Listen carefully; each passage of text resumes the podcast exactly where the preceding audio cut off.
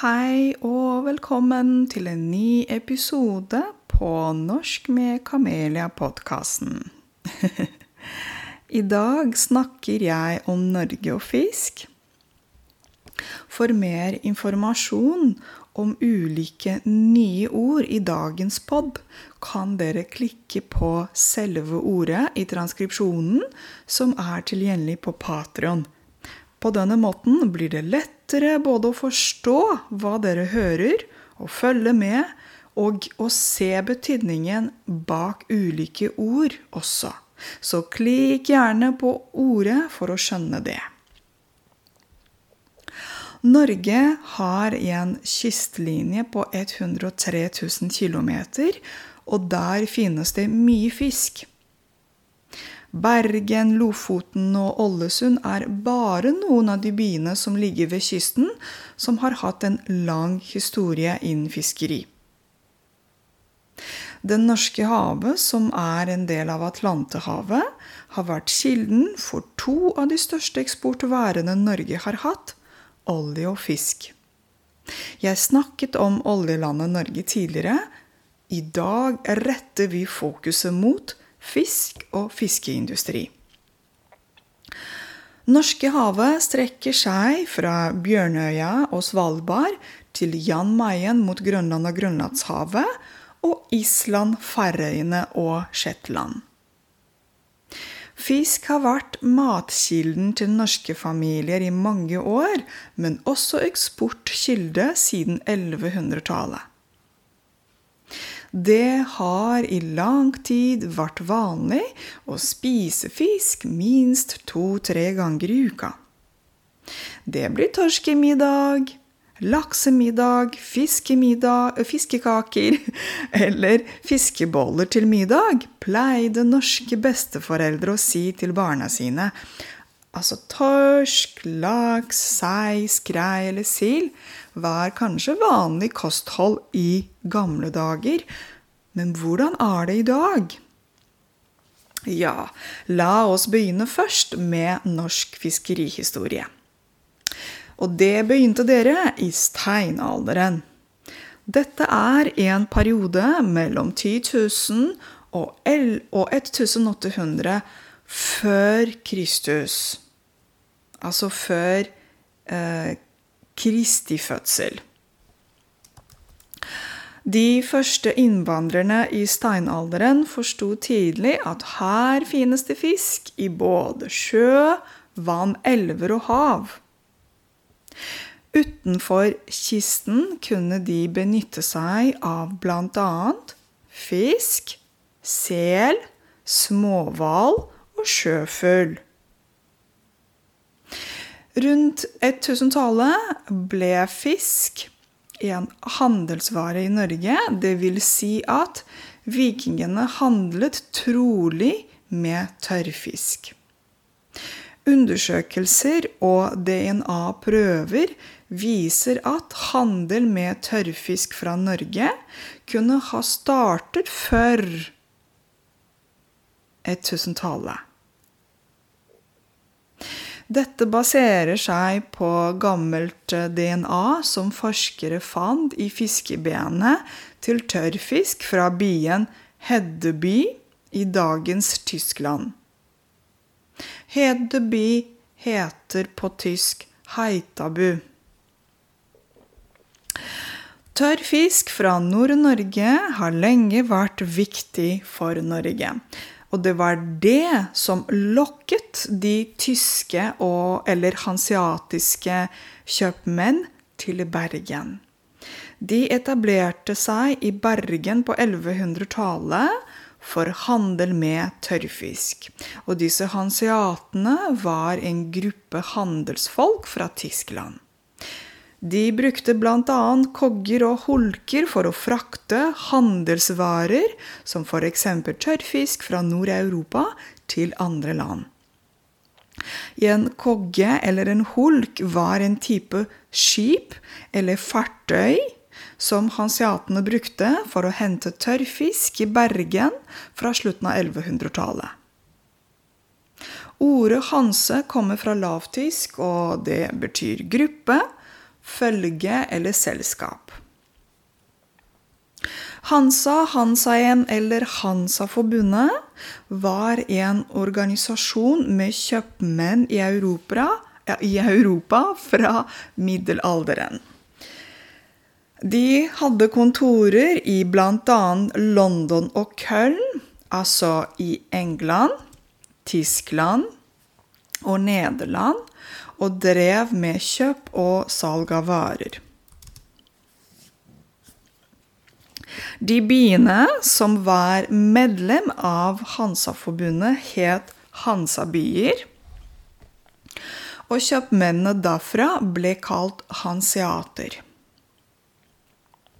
Hansaforbundet hadde også fire kontorer i byer som ikke var medlemmer av Hansaforbundet. Ett av dem lå i Bergen, mens de andre tre lå i London, Novgorod og Brugge. Gjennom en sterk innflytelse ulike steder og byer klarte de å dominere fiskehandelen i Nord-Europa. Bergen ble til fiskehovedstad på den tiden. På 1240-tallet etablerte hanseatene seg fast i Bergen og dominerte byens handel frem til midten av 1700-tallet. Derfor kalles Bergen også for Hansabyen. Men nå litt om fiskeeksport. Fra alle eksportvarene og industrier er eksport av norsk fisk den eldste. Det er tørrfisk og klippfisk som er kjente internasjonale handelsvarer. Og EU er det viktigste eksportmarkedet for norske varer som fisk. Varer betyr produkter. Men fiskeeksporten startet allerede på slutten av vikingtida. Vikingtida varte mellom 800- og 1050-tallet. Og tørrfisk var den dominerende eksporten på 1200- og 1300-tallet. På, på, den tiden betydde tørrfiskeksporten mer enn 80% av Norges totaleksport. I 2020 utgjorde olje og gass litt over 40% av totaleksporten, f.eks. Ifølge regjeringen.no leverer norsk sjømatnæring sjømat i dag til brukere i mer enn 130 land. Og det er laks som er den viktigste arten som utgjorde 67% av eksportverdien i 2020, og torsk 10% og makrell 4 EU er den viktigste fiskeeksporten for Norge, og mange franskmenn, engelskmenn, spanjoler og italienere koser seg med norsk sjømat hjemme eller på restaurant. Utenfor EU er USA og Kina de to største og viktigste importørene av norsk sjømat til verdier på 6,7 milliarder kroner i USA og 5,2 milliarder Kina i 2019. På toppen ligger Frankrike, som konsumerte norsk fisk til en verdi av over 7 eller 7 milliarder kroner, og data er hentet fra 2019. Litt om norske fiskerier og akvakultur. Norske fiskerier driver fangst av villaks og krepsdyr i saltvann og ferskvann. Akvakultur driver oppdrett av fisk, krepsdyr og muslinger i spesielle fiskeanlegg og regnes ikke som fiskerier. eh, fiskerier, fiskeri hvor fangsten brukes til å lage fiskemel eller fiskeolje, kalles for industrifiske. Det finnes hvetemel, ruggmel, havremel, byggmel osv., men også fiskemel. Den brukes i fôr til husdyr, oppdrettsfisk eller som gjødsel i hagen. Et fôr er mat til dyr. Plantefôr, grovfôr, kraftfôr etc. Gjødsel er en type materiale eller stoff som brukes til planter for å gi næring. Naturgjødsel kan være kompost, husdyrgjødsel, menneskegjødsel, guano osv. Eller kunstgjødsel som granulat eller pulver som produseres på en fabrikk. Det finnes kystfiske, altså i fjorder nært kystbanker eller langs kysten, som torskefiske. Og havfiske fra havet, som torsk, kveite, steinbit, hyse, um, havabbor, makrell, lodde, sild, sei osv. Norske fiskere som bruker fiskefartøy for å fange fisk fra havet eller kysten, må følge ulike lover og regler, som f.eks. havressurslova.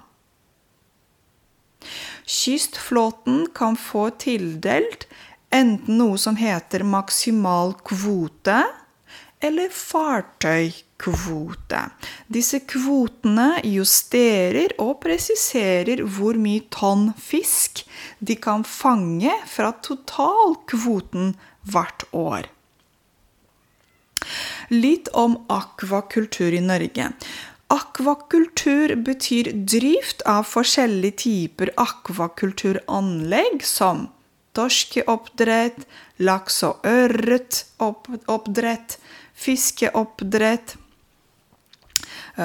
skalldyroppdrett og dyrken av alger. Så akvakultur bruker i utgangspunktet havet som miljø for å oppdra fisk, men det fins også noe som kalles for akvakultur på landet. For oppdrett deles i to på landet og i havet. Fisk lever først på landet, og etter ca. ett år blir fisk flyttet inn i havet. Så fisk fra fiskeoppdrett lever i fangerskap og blir født opp i anlegget. Å fø opp fisk betyr å gi mat til fisk. Altså å mate fisken.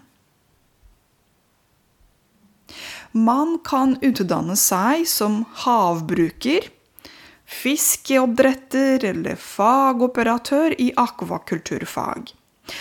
Eksempel på videregående skole kan man ta faget som heter akvakulturfag i to år, kombinert med to år i bedrift.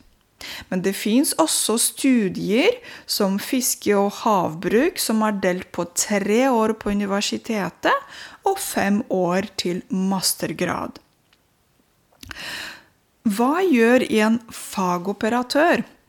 Vel, denne spesialisten mater fisk ved hjelp av fòringssystemer.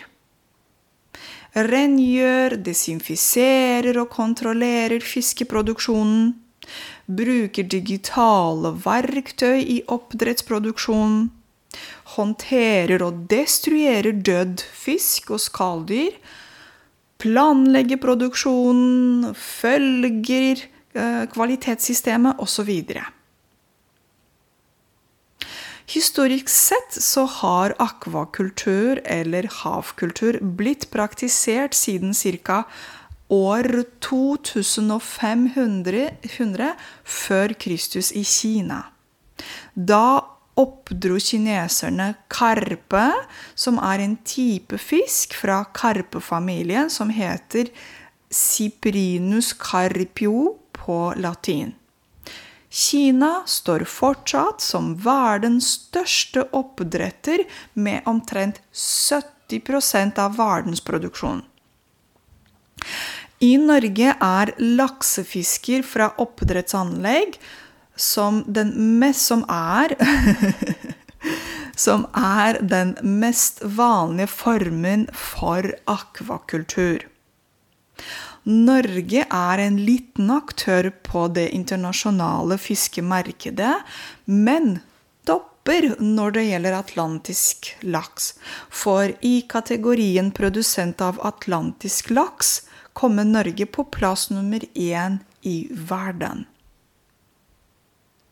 Man kan i tillegg til lakseoppdrett, øh, lakseoppdrett, mm, lakseoppdrett finne også torskeoppdrett og blåskjelloppdrett, men ikke i så stor skala som laks. Noen ganger er lakseanleggene en kombinasjon av lakse- og oppdrettsanlegg, som betyr at både laks og ørret blir oppdratt i samme anlegg. Med andre ord laksen lever sammen med ørret som en fin og hyggelig familie. På fiskeridyr.no, altså Fiskeridirektoratet, kan man lese mer om tillatelser, akvakulturloven eller drift og tilsyn, f.eks. Litt om sportsfiske. Mange har prøvd selv å fiske i sjøen, elva eller vannet som fritidsaktivitet. Er man interessert i å fiske i fritiden, kan man gjøre det ulike steder i landet. Noen er regulerte, og man kan kjøpe fiskekort. Andre kan man fritt benytte seg av. Dere finner mer informasjon om dette, f.eks. på fiskeguiden.no, inatur.no eller fiskeravgift.miljødirektoratet.no. I Norge er det ca. 54% av befolkningen som er hobbyfiskere. Dvs. Si at de har fisket minst én gang, og de gjør det i fritiden. Mens mindre enn 5% av sportsfiskere altså eh, er profesjonelle fiskere. Fisking er en aktivitet som passer bra for både barn og voksne. Og det er forresten alltid moro å prøve noe nytt med barna, ikke sant? I dag Hvordan er det i dag i Norge? Spiser man fortsatt fisk to-tre ganger i uka? Vel, mange gjør det, andre ikke. Fisk er fortsatt viktig å spise for mange norske familier, for den inneholder D-vitamin, omega-3-fettsyrer øh, Selen eller jod i fisk som makrell, sild eller villaks man kan kjøpe fisk i alle norske matbutikker, enten fersk eller frossen. Det er også vanlig å gi tran til norske barn for å få nok D-vitamin i kroppen for en normal vekst og utvikling av barnas skjelett. Det fins forskjellige smaker til tran for å gjøre den litt mer attraktivt for barna. Men det skjer imidlertid ikke med fiskeretter som fiskegrateng, fiskeboller eller øh, en laksemiddag med familien. For det er nemlig barn i Norge som ikke er så glad i fisk lenger. En norsk undersøkelse viser at norske barn er mer glad i godteri enn fisk. Men det er ikke noe overraskelse for de fleste av oss, for nesten alle elsker sukker. Inkludert jeg. Forbrukerpanelet fra GFK Norge viser et dramatisk fall i fiskekonsum i norske familier. Så hva kan vi gjøre for å få barna våre til å spise mer sunt, og gjerne mer fisk? Hva synes dere? Jeg ønsker dere en strålende søndag videre. I september høres vi live igjen på stereo. Inntil da, kos dere ute i sola og naturen. Vi høres i morgen igjen. Ha det godt!